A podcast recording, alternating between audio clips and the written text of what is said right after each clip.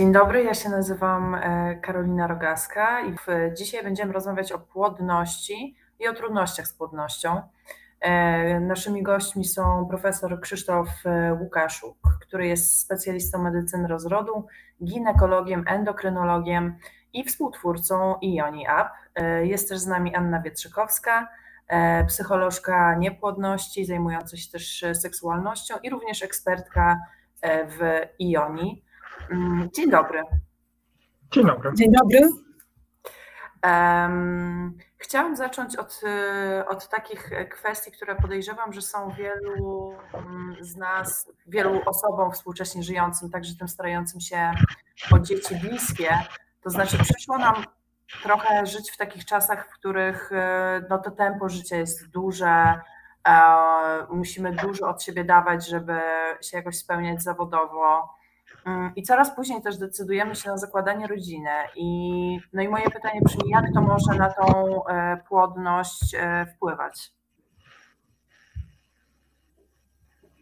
E, zdecydowanie może wpłynąć na płodność. Kobiety nie są przygotowane biologicznie do tego, żeby późno zachodzić w ciąży. Mhm. Praktycznie optymalnym wiekiem zachodzenia w ciąży, przynajmniej w populacji europejskiej, jest okres między 18 a 30 rokiem życia praktycznie nie stanowi problemu zachodzenie w ciąży przy prawidłowej rezerwie jajnikowej do 37 roku życia. Mhm. E, jednak e, czym wcześniej, tym lepiej, dlatego że cały czas, kiedy e, staramy się, znaczy kiedy nie staramy się o ciążę, to wraz z wiekiem nabywamy różnych chorób, które, które mogą nas dotyczyć, zarówno chorób związanych z naszym stylem życia, jak i chorób powiązanych z naszymi predyspozycjami genetycznymi. Mhm. Dlatego no, należy się e, spieszyć e, z płodnością, ewentualnie trzeba myśleć o zabezpieczeniu płodności we wczesnym wieku, czyli pomysł zabezpieczenia na przykład komórek jajowych w przypadku, jeżeli ktoś planuje E, nie tylko błyskotliwą, ale długotrwałą karierę zawodową mhm. i prokreację powyżej 40-45 roku życia, to na pewno zamrożenie komórek jajowych w okolicy 25 roku życia byłoby optymalne. Mhm. Ale to pewnie też nie, mm, to znaczy jeżeli zamrodzi się te komórki jajowe, nie gwarantuje, że w wieku po 40 ta ciąża będzie jakoś super e, przebiegała. Znaczy, czy, czy dalej są jakieś zagrożenia? Mhm. Przebieg, przebieg ciąży zależy bardziej od e, stanu organizmu, a więc od tego, jak o swój organizm dbamy, niż od wieku. Osoby w wieku 20 lat mogą być na tyle zaniedbane, że e, będą miały duże problemy z przejściem przez ciążę i osoby w wieku 50 lat mogą być na tyle zadbane, wysportowane i zdrowe, że nie, bez żadnych problemów przejdą przez taką ciążę. Mhm. A jak, a jak jest, jeżeli chodzi o ten stres? Nie wiem, czy to trochę nie do Pani Anny pytanie. Jeżeli chodzi o taki stres psychologiczny właśnie i jakieś napięcie, w jakim, e, w jakim żyjemy i jak to może na nas e, oddziaływać w sferze tej e, nie tylko płodności, ale w ogóle takiej, takiej seksualności już szerzej pojmowanej to tutaj ogromnie ważnym czynnikiem właśnie jest stres, natomiast trzeba mieć na uwadze, że on e, wpływa na, na, nasze, na nasz poziom hormonów, na nasze możliwości prokreacyjne. Natomiast w grupie pacjentów niepłodnościowych też powtarzamy, że stres, niepłodność zarówno jest przyczyną stresu, jak i stres wpływa na niepłodność, czyli mamy tak zwany dwustronny wpływ stresu i y, niepłodności. Ponieważ e, z jednej strony pacjenci, którzy są w trakcie leczenia niepłodności, słyszą takie hasło o tym, że to ich podejście do życia, podejście do leczenia sprawia, że nie mogą zejść w ciąży, czyli ta słynna głowa, te słynne oddychanie, to słynne niemyślenie o niepłodności. Natomiast niepłodność dalej jest e, perspektywą medyczną, dalej jest pewną chorobą, Dlatego tutaj zdejmujemy w pracy z pacjentem niepłodnościowym ten ciężar, że to nie, nie stres sprawia, że nie możesz zejść w ciążę, tylko stres jest wynikiem choroby, z jaką się mhm. zmagasz. W związku z tym, jeżeli zapiekujesz się tą sferą wyrażania stresu, radzenia sobie ze stresem, pomożesz sobie w chorobie, co przełoży się też na efekt leczenia niepłodności. Mhm, mhm. No tak, to są takie dwie, dwie sfery, to znaczy ta psychiczna i biologiczna, które podejrzewam trzeba dość umiejętnie, umiejętnie łączyć. A co jeszcze może na, y, na płodność wpływać? Bo od razu mi przychodzą do głowy takie kategorie jak właśnie dieta, jakiś określony styl, y, styl życia. Jak to wygląda od tej strony? Najważniejszym czynnikiem wpływającym na płodność oprócz wieku jest rezerwa jajnikowa, a więc to, ile komórek kobieta posiada. Y, te komórki posiada kobieta od urodzenia i je codziennie traci. I w zależności od tego, ile ma ich na starcie i jak dużo, jak szybko postępuje ich utrata, y, tak szybko wchodzi w okres, kiedy zajście w ciążę będzie bardzo kłopotliwe. To jest to, o czym mhm. już wspominałem, czyli jeżeli ktoś ma na przykład w młodym wieku obniżoną rezerwę jajnikową, to praktycznie będzie miał problemy z uzyskaniem ciąży nawet w wieku 20 kilku lat. Mhm. Natomiast jeżeli y, rezerwa jajnikowa będzie optymalna, to do 38 roku życia nie powinna mieć y, żadnych problemów, znaczy żadnych. Powinna mieć mm, dość optymalne y, szanse na uzyskanie ciąży. Mhm. Innymi czynnikami, które są bardzo ważne w stylu życia, to jest po pierwsze to, żeby przypadkiem nie miesiączkować co miesiąc, bo to jest y, totalne nieporozumienie i coś, co powoduje, że zarówno zwiększamy ryzyko y, powstania u nas endometriowy, powiedzmy wzrostu ryzyka zespołu policystycznych jajników, czy też zwiększamy ryzyko raka jajnika. A mhm. przy okazji, miesiączkując y, co miesiąc, również przyspieszamy utratę komórek jajowych, a więc powinniśmy jak najdłużej w swoim życiu, skoro nie jesteśmy w ciąży, postosować e, tabletki antykoncepcyjne. Aha, ciekawe bardzo. No tak, bo e, jeżeli ich nie stosujemy, czyli tabletek, jak to ja je nazywam, udających ciążę, no to praktycznie zachowujemy się bardzo niefizjologicznie. Ponieważ dawno temu żadna kobieta nie miesiączkowała co miesiąc, bo nie miała na to szansy, bo większość czasu była w ciąży. Okay. Czyli, czyli owulacja comiesięczna jest niezdrowa, niefizjologiczna i musimy o tym pamiętać. E, oczywiście zarówno palenie papierosów będzie obniżało rezerwę jajnikową, e, również e, spożycie nadmiernych ilości alkoholu nie będzie zdrowe. Dieta, no to wiadomo, że śródziemnomorska, no i oczywiście dbanie o e, wysiłek fizyczny, dlatego że wysiłek fizyczny wpływa nie tylko na y, komórki somatyczne, ale również na komórki wywrotne. Musimy pamiętać, że stosowanie wysiłku fizycznego przynajmniej 5 razy w tygodniu po godzinę powoduje wydłużanie telomerów i wydłuża życie średnio około 10 lat. Aha. O pozytywnym myśleniu już żeśmy właściwie wspominali, czyli o tym, że y, każdy stres, który będzie nas dotyczył, będzie zwiększał poziom kortyzolu i w konsekwencji również zaburzał całe funkcjonowanie całego systemu hormonalnego. No co z tym związane, optymalne jest, że, żeby się nie stresować, to żyć jak najdalej od ludzi toksycznych, czyli znajdować sobie tylko ludzi przyjaznych. Mhm. Jeśli mogłabym e, uzupełnić jeszcze ze swojej perspektywy psychologicznej, to tak, tak. bardzo dużą trudnością, z jaką spotykam się w swojej pracy, jest e, tak zwany można powiedzieć, niezdrowy styl życia. To znaczy, spotykam swoich pacjentów w gabinecie, którzy są przepracowani, przemęczeni, nie jedzą regularnie.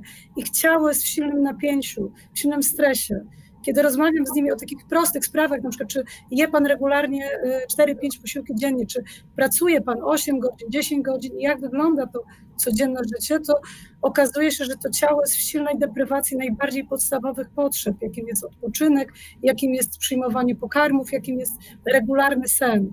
Dlatego hmm. też y, czasami też ta terapia wymaga takiej psychoedukacji pacjentów na temat czynników środowiskowych stylu życia, które wpływają na tą płodność i pomóc mhm. w przywróceniu e, tego stylu życia na takie prozdrowotne tory, bo dużą przyczyną niepłodności mimo wszystko są te właśnie aspekty zdrowotne. Przede wszystkim właśnie to, co się dzieje z tym zdrowiem. Nie tylko samo występowanie chorób, ale też efekt stresu, y, który jest obecny w ciele.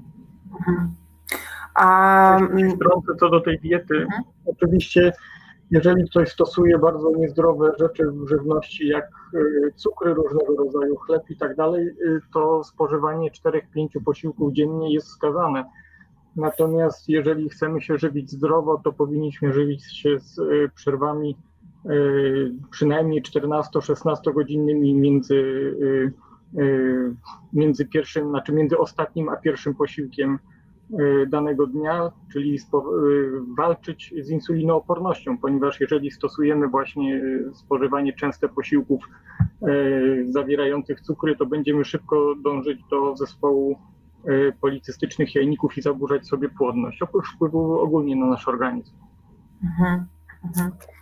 E, ba, bardzo to jest e, ciekawe, też cały czas mam w głowie to, co Pan powiedział o, tej, e, o tych tabletkach antykoncepcyjnych i o tym miesiączkowaniu, bo jakoś mam wrażenie, że taki, ja żyłam takim mitem, nie wiem, czy całe społeczeństwo, że jednak tych tabletek się powinno unikać, więc to jest, to jest niezwykle fascynujące, ale też rozmawiamy tutaj o... Mm, Przepraszam, o... oczywiście, że powinniśmy unikać, tylko wtedy musimy być 10 lat w ciąży, a mhm. jest dość kłopotliwe, no więc stąd większość jednocześnie koncepcji. Zdecydowanie, bycie 10 lat w ciąży może, może być wyzwaniem, ale też mówimy dużo o kobietach, a chciałabym jeszcze um, odrobinę chociaż podpytać o, y, o mężczyzn, bo domyślam się, że na ich płodność no, w podobny sposób te, te czynniki, na przykład stylu życia, um, wpływają. Zdecydowanie tak. To znaczy, e, wszystkie te czynniki e, zachowań naszych prozdrowotnych, o których żeśmy wspominali, będą również wpływały na jakość e, plemników. Problemem, który się pojawia wraz z nieprawidłową dietą, brakiem wysiłku fizycznego i wszystkimi czynnikami stresowymi, o których tutaj już wspominała Pani, jest jest fragmentacja DNA plemników, czyli pojawia się, pojawiają się uszkodzenia, które uszkadzają materiał genetyczny w plemnikach, które niestety są dalej zdolne do zapłodnienia komórek, a więc y, czym dłużej ktoś będzie odlekał starania o ciążę i używał swoich plemników, które niestety, mimo że się odnawiają, y, praktycznie cały czas są od nowa tworzone, no to powstają z wyjściowych komórek macierzystych, które mają już tam kilkadziesiąt lat w pewnym momencie i e, wraz z tym narasta ilość uszkodzeń e, DNA, DNA plemników. A drugą kwestią bardzo ważną, o której się też rzadko wspomina, są mutacje genetyczne w nasieniu. Bo tu jest właśnie cała różnica że e, między mm, komórkami jajowymi a plemnikami, że w przypadku komórek jajowych my praktycznie nie miewamy uszkodzeń jednogenowych, czyli takich mutacji punktowych, które powodują choroby jednogenowe, dlatego że czy komórka jajowa jest owulowana w wieku 20 lat, czy w wieku 40 lat, to ona y, przeszła od tego samego momentu, jeżeli chodzi o komórki macierzyste, do momentu owulacji, przeszła tyle samo podziałów komórkowych. Mhm. Natomiast w przypadku plemników mamy y, taki problem, że wraz z wiekiem liczba podziałów jest coraz większa i tak jak y, plemniki, które powstają u mężczyzny 20-letniego są po około 150 podziałach, tak u mężczyzny 50-letniego będą one już po około 750 podziałach. Stąd hmm. mamy, używając plemników starszego mężczyzny, mamy większe ryzyko chorób jednogenowych, a szczególnie okazuje się, że tacy mężczyźni narażają nas na y, choroby z grupy chorób autystycznych, dlatego że takie mhm. mutacje w tym względzie najbardziej szerzą się y, w komórkach macierzystych i w plemnikach. Okej. Okay.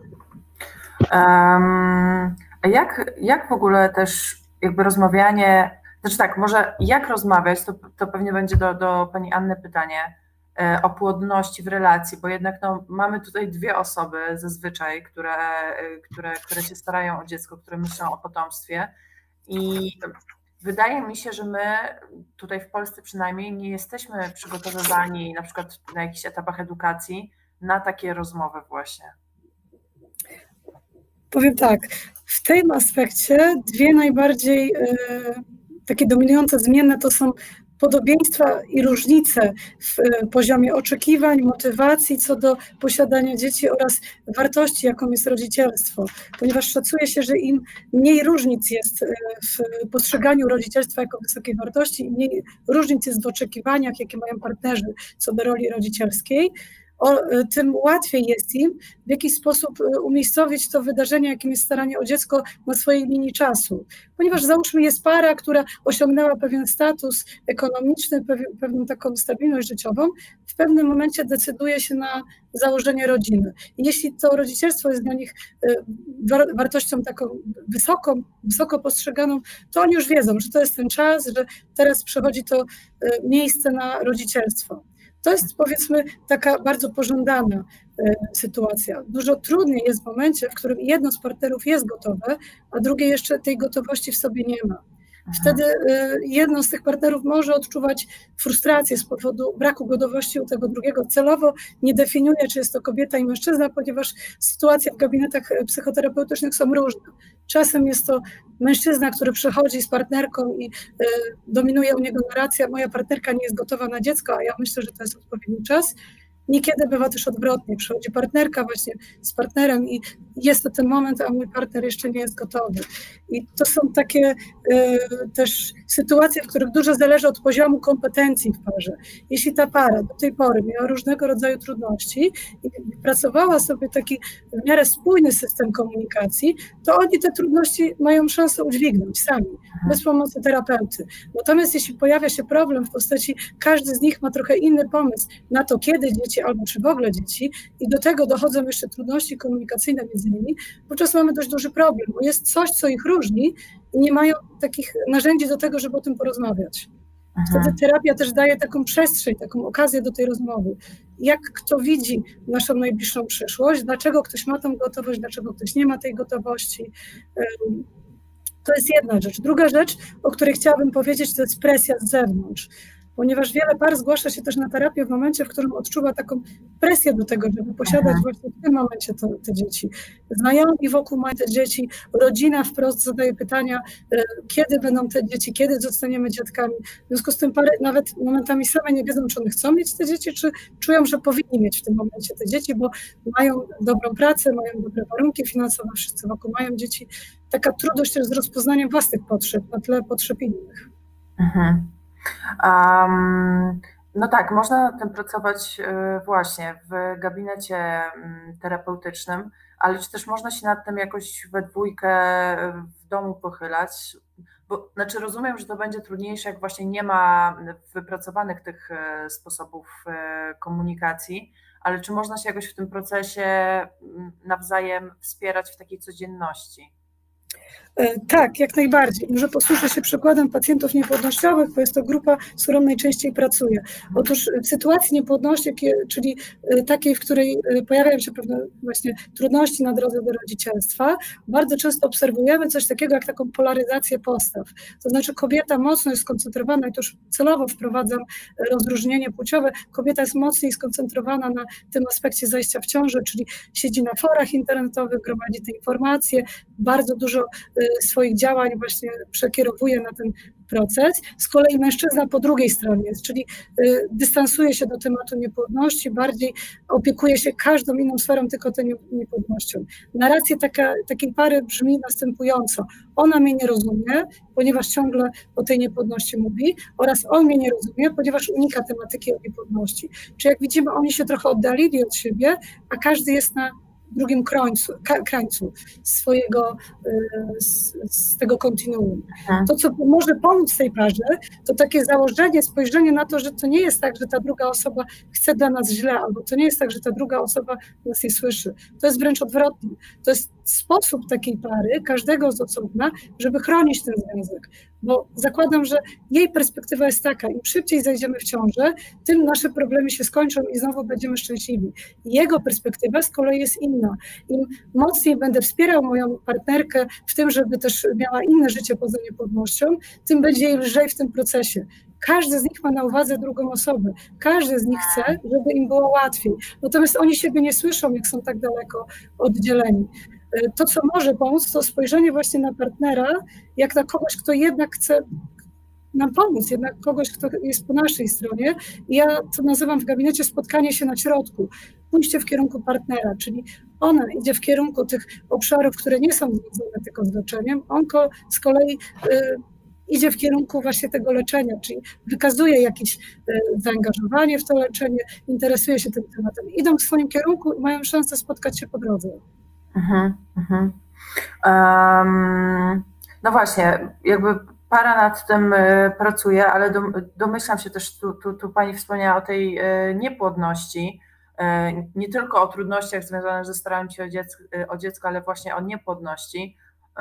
Jak to może jeszcze na, na, relacje, na relacje wpływać? To znaczy, na co warto się w swojej głowie w takiej sytuacji jakby przygotować? Coś, co zdejmuje duży ciężar jeśli para w trakcie leczenia to słyszy, to mówię to zawsze z takim ciężkością na sercu, ale to po, naprawdę pomaga, że będzie to proces. Proszę Państwa, proszę Pana, proszę Panią, to będzie taki czas w Państwa życiu, który zajmie trochę czasu. To nie będzie od razu. Natomiast najważniejsze, żeby Państwo dbali o to, żeby w tym czasie też mieć e, przestrzeń na przyjemności, na to, żeby doświadczać czegoś przyjemnego, bo w procesie leczenia każdej długoterminowej choroby ważny jest ten aspekt y, regeneracji, ważny jest taki aspekt dostarczania sobie przyjemności. Jako terapeuta systemowy używam często metafor i mam taką metaforę biegu, czyli wyobraźmy sobie sytuację, że bierzemy udział w biegu, jest pistolet do góry, wystrzela, jest start i wszyscy nikt nie wie, jaki to jest dystans, więc wszyscy biegną sprintem. Wszyscy z całych sił biegną, żeby jak najszybciej dobiec.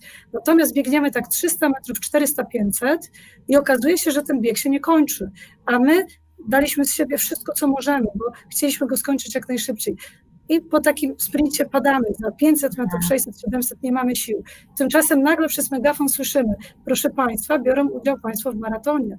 42 kilometry. Czy to jest zupełnie inna, inna sytuacja, zupełnie inny kontekst. Gdyby ta para usłyszała na początku, proszę Państwa, to będzie proces, proszę starać się zadbać o siebie, proszę starać się nie żyć z tej perspektywy miesiąca za miesiąc, że to leczenie już się kończy za kolejnym cyklem, tylko mieć na uwadze, że to i będzie jakiś czas w Państwa życiu, ale Państwo w tym czasie mogą robić różne rzeczy. Mogą wyjeżdżać, mogą doświadczać przyjemności, mogą zadbać o siebie, żeby właśnie mieć ten obszar do regeneracji i wzmocnienia. A jak w tej y, sytuacji zadbać też o sferę o sferę seksualną, bo no wyobrażam sobie, że starając się tak bardzo o dziecko, możemy trochę zacząć podchodzić do tego procesu technicznie, bym powiedziała. No a to może, to może też i te relacje zaburzać, ale też zaburzać relacje, ale też właśnie odbierać trochę przyjemność z, z tych zbliżeń. Przyjmijmy sobie właśnie taki początek tych starań, czyli zakładając, że e, nie ma hasła niepłodność, na razie jeszcze nie wiemy, czy ta niepłodność nas dotyczy, to zwykle te początki starań, początki starań są e, opisywane jako taki piękny czas w swoim życiu, jako właśnie taki wolny od napięcia, gdzie w końcu ten seks może być swobodny i przyjemny. Wiele par właśnie postrzega te początki starań jako coś dobrego i ekscytującego. Mhm. Natomiast kiedy ta ciąża się nie pojawia, kiedy mijają miesiące, mija dłuższy czas y, pojawia się swego rodzaju presja, napięcie, potrzeba takiego kontrolowania tego obszaru, no bo trzeba trafić w ovulację. Jeśli nie dochodzi ciąży, to może robi coś nie tak. Y, pary same też szukają rozwiązań. Y, z drugiej strony też niepłodność niepłodność zakłada pewne zalecenia, na przykład co do tego współżycia, czyli jest na przykład monitoring ovulacji, pacjentki wiedzą, kiedy mają tę ovulację, to wszystko ma jest, tak, jest określony w pewnym momencie, czyli mamy takie dni z seksem i mamy takie dni bez seksu. Aha. Ten seks w pewnym momencie leczenia niepłodności staje się tak zwany mechaniczny. To jest taki moment, w którym rzeczywiście pary obserwują, że jakość tego współżycia spada. Natomiast to, co ratuje pary, rozróżnia tu może dwie rzeczy. Jeżeli machniemy na to ręką, nie będziemy dawali takiej uważności na to życie seksualne i to się utrzyma, wówczas jest większe ryzyko wystąpienia depresji, bo y, mechaniczny seks, seks nastawiony na prokreację może, może w, dłuższy, w długoterminowej perspektywie właśnie też być źródłem cierpienia psychicznego. Ale jeśli założymy, że zauważymy, że ten seks stał się taki mechaniczny, ale postaramy się coś zmienić, wprowadzimy pewne urozmaicenie, weźmiemy pod uwagę, że ta przyjemność też jest ważna, wówczas mamy okazję zadbać o jakość tego współżycia. Bo proszę zauważyć, co się dzieje w temacie niepłodności. Jeżeli seks się nam kojarzy z czymś przykrym, nieprzyjemnym, my zaczynamy go unikać. Jeżeli my unikamy tego seksu, to zmniejszamy liczbę stosunków. Jeśli zmniejszamy liczbę stosunków, zmniejszamy y, szanse zajścia w ciążę. Więc ten obszar seksualny jest niezwykle ważny i to, do czego zapraszam swoich pacjentów w gabinecie, to właśnie y, rozpoznanie tego obszaru jako osobnego. Nie czekanie, aż pojawi się ciąża, która rozwiąże te wszystkie problemy, tylko właśnie zauważenie, że te problemy są tu i teraz. Teraz mam jakieś trudności w obszarze seksualności, teraz zajmę się nimi, żeby sobie pomóc właśnie w tym momencie. Aha. To też bardzo dużo zmienia, ponieważ podnosi jakość życia pacjentów, no i zwiększa szanse na powodzenie w leczeniu. No tak, no tak, zdecydowanie, szczególnie jak tych, jak tych zbliżeń jest, jest więcej, a poza tym takie też czekanie na ciążę rozwiąże wszystkie problemy no może być trochę złudne i później rozczarowujące, bo może się okazać, że, że, że wcale wszystkie te problemy nie są rozwiązane. Jest też źródłem frustracji, ponieważ pacjenci żyjąc w takiej deprywacji, odmawiając sobie wielu przyjemności, wielu rzeczy, na które czekają, oni są w bardzo dużej frustracji najbardziej podstawowych potrzeb. Lecząc niepłodność, no właśnie, możemy tą niepłodność leczyć, możemy się starać polepszyć stan swojego zdrowia dietą, patrzeć na te wszystkie czynniki E, związane ze stylem życia, ale też na te czynniki psychologiczne, ale możemy też sobie e, pomóc w staraniach o dziecko aplikacją Yoni App, e, którego, której Państwo są współtwórcami. I chciałam właśnie zapytać o tą aplikację, czym ona właściwie jest i jaką, jaki związek z płodnością ta aplikacja ma? No, jest to aplikacja, którą żeśmy stworzyli z myślą przede wszystkim o całej grupie osób starających się o ciążę, ale również o tych, które będą się starały o ciążę. Czyli chcielibyśmy, żeby e, osoby, które, kobiety, które są w wieku prokreacyjnym, stosowały e, tę aplikację od samego początku, e, mhm. po to, żeby móc właśnie wykrywać problemy z płodnością, nawet zanim o nich kobieta pomyśli, zanim w ogóle się zorientuje, że jest taki problem, żeby nasza aplikacja już w tej kwestii pomagała.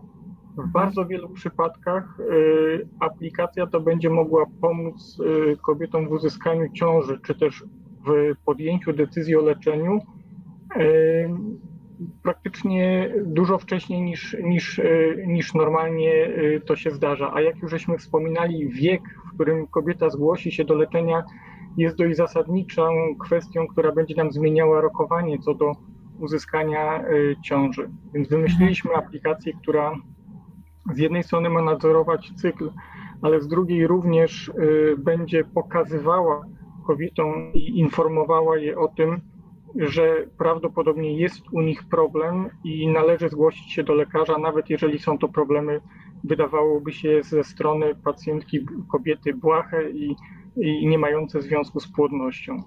Musimy mhm. mieć świadomość, że naturalna płodność kobiety całkowicie zdrowej to jest y, jedynie około 23% na jeden cykl, mhm. że w ciągu roku zachodzi w ciążę około 84% młodych, zdrowych, starających się o ciążę kobiet, a w ciągu kolejnego roku połowa z tych, które nie uzyskały ciążę, y, być może tę ciążę uzyskają.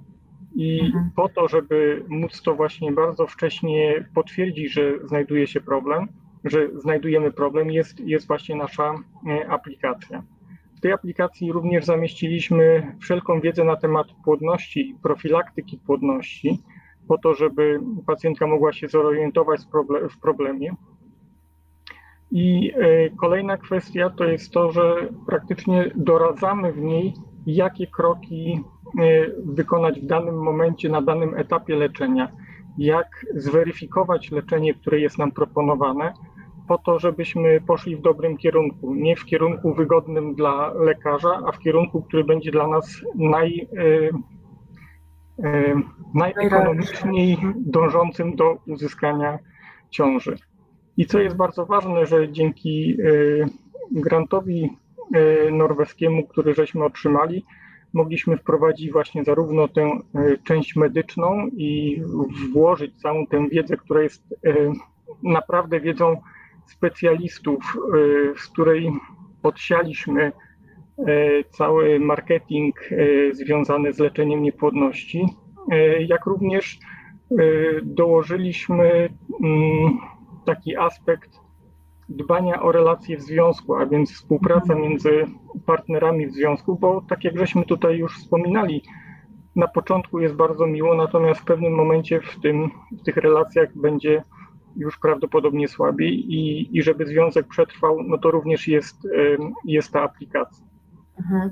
A z takich dodatkowych rzeczy, które żeśmy umieścili, to jest kwestia przypominania o badaniach profilaktycznych, które też zwiększają wydłużają płodność w pewnym sensie naszych pacjentów, jak również jest tam możliwość udziału w badaniach, które przeprowadzamy, jak na przykład w ostatnim czasie prowadzimy ankiety pod kątem płonności u pacjentek y, onkologicznych, czy też z ryzykiem nowotworów.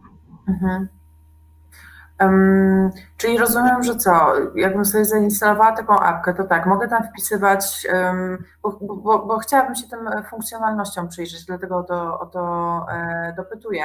Rozumiem, że wpisuję swój e, cykl na pewno, a po czym, w jaki sposób ja mogę rozpoznać, że właśnie coś jest nie tak e, z tym moim zdrowiem? Na podstawie jakby czego ta aplikacja mi to wskazuje? Znaczy, aplikacja na podstawie, po pierwsze, y, tam nie chodzi tylko i wyłącznie o podawanie swojego cyklu, ale po pierwsze y, wpisujemy y, wywiad, który jest, przypomina wywiad medyczny, tylko tyle, że jest z punktu widzenia systemu anonimowy, którym tak naprawdę aplikacja uzyskuje dane na temat tego, czy się staramy o ciążę, jak żeśmy się starali, co dotychczas było wykonane Następnie w samym śledzeniu cyklu y, dokładamy różne informacje y, czynników powiązanych z cyklem, y, powiązanych z naszym stylem życia, ze współżyciem i tak. I to wszystko powoduje, że w aplikacji jest mnóstwo danych na, na temat tej akurat kobiety, która ma tylko i wyłącznie ona i aplikacja ma do tego dostęp.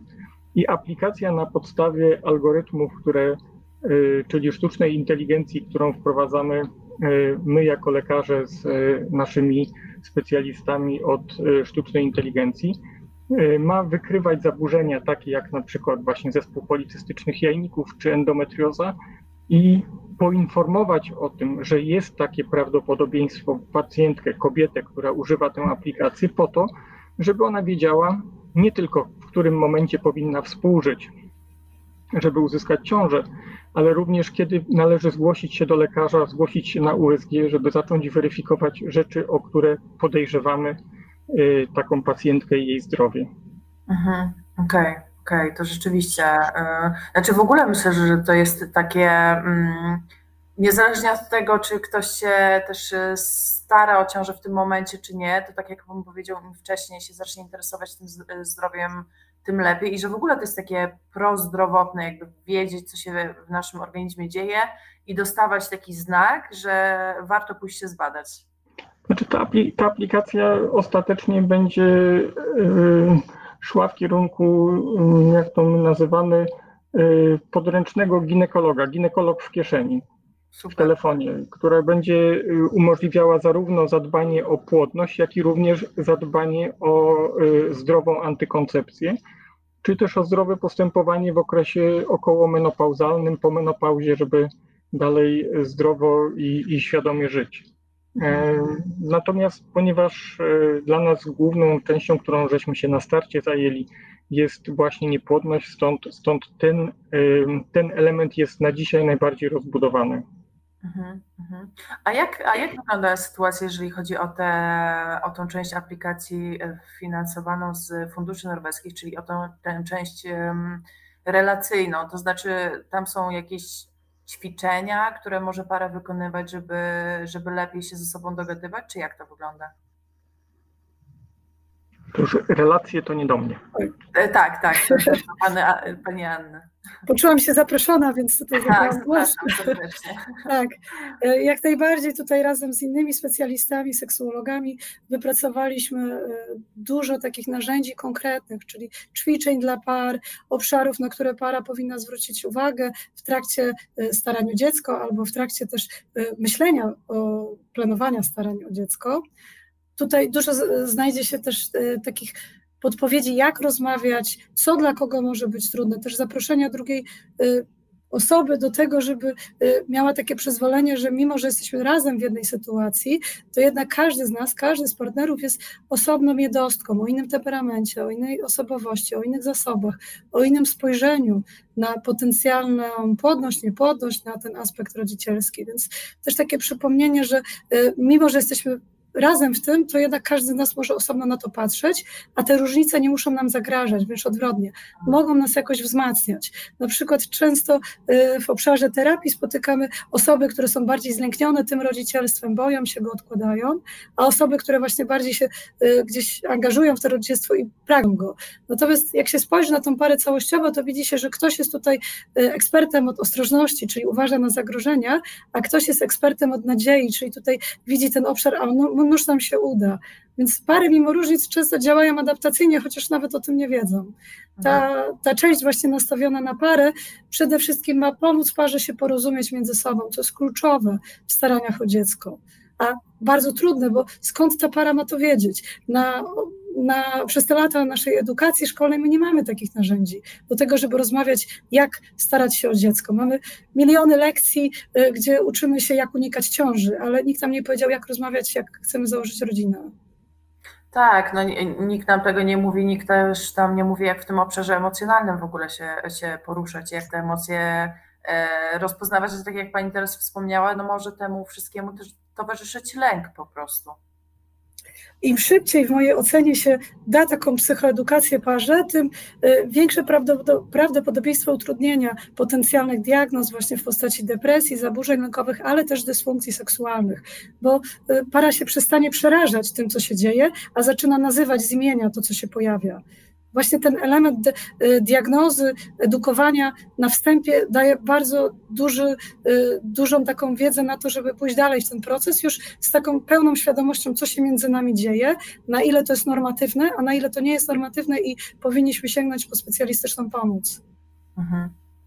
E, no ja mam nadzieję, że właśnie takie, takie, takie rozmowy, jak ta, którą dzisiaj przeprowadziliśmy, czy właśnie aplikacja y, Ioni App, E, no, pozwolą ten lęk e, zmniejszać i trochę odrobią te, te straty, których e, te straty w psychoedukacji, której po prostu, po prostu często nie, nie mieliśmy, a byłaby, byłaby, bardzo, byłaby bardzo potrzebna. Taką, taką, taką nadzieję mam bardzo dużo. Ta, ta aplikacja również dba o relacje związków w ten sposób, że jakby pośredniczy w kontakcie między, między partnerami, czyli z jednej strony może przekazywać e, informacje na temat naszego e, nastroju, naszych, znaczy kobiet, owulacji i tym podobnych informacji. Z drugiej strony e, podpowiadać pośrednio, co zrobić, żeby ta, ta druga strona nasza była, była z tego zadowolona, z, tej, z, tych, z, tych, z tego naszego związku. Więc jest to, jest to również zaangażowanie aplikacji. Wydaje mi się, że nie ma takiej aplikacji, zresztą tak samo jak nie ma żadnej aplikacji y, medycznej tego typu, jak tutaj y, proponujemy. Y, więc no, zrobiliśmy wszystko, co mogliśmy, żeby, żeby osoby, które będą chciały mieć dziecko, zrobiły to jak najbardziej bezboleśnie. Mhm. I z przyjemnością może nawet, nie tylko bezboleśnie się uda. A z przyjemnością na co dzień. Tak. Um, znaczy, bardzo... Może z tym na co dzień to jeszcze chciałem wspomnieć Aha. o jednym, bo tutaj żeśmy tak dość nierozważnie powiedzieli z tym seksem, że czym częściej, tym lepiej. To nie jest tak do końca, czyli współżycie częściej niż y, codziennie y, może obniżać y, szanse na płodność. To tak, okay. żeby w pewnym momencie nie przesadzać. To też wszystko z rozwagą, wszystko z głową. Tak, e. no, można jeszcze coś zastosować. Tak. Bardzo, bardzo Państwu e, dziękuję. Mam nadzieję, że dla naszych e, słuchaczy i słuchaczek to będzie mm, przydatnie e, spędzone 40 minut z rozmową o płodności.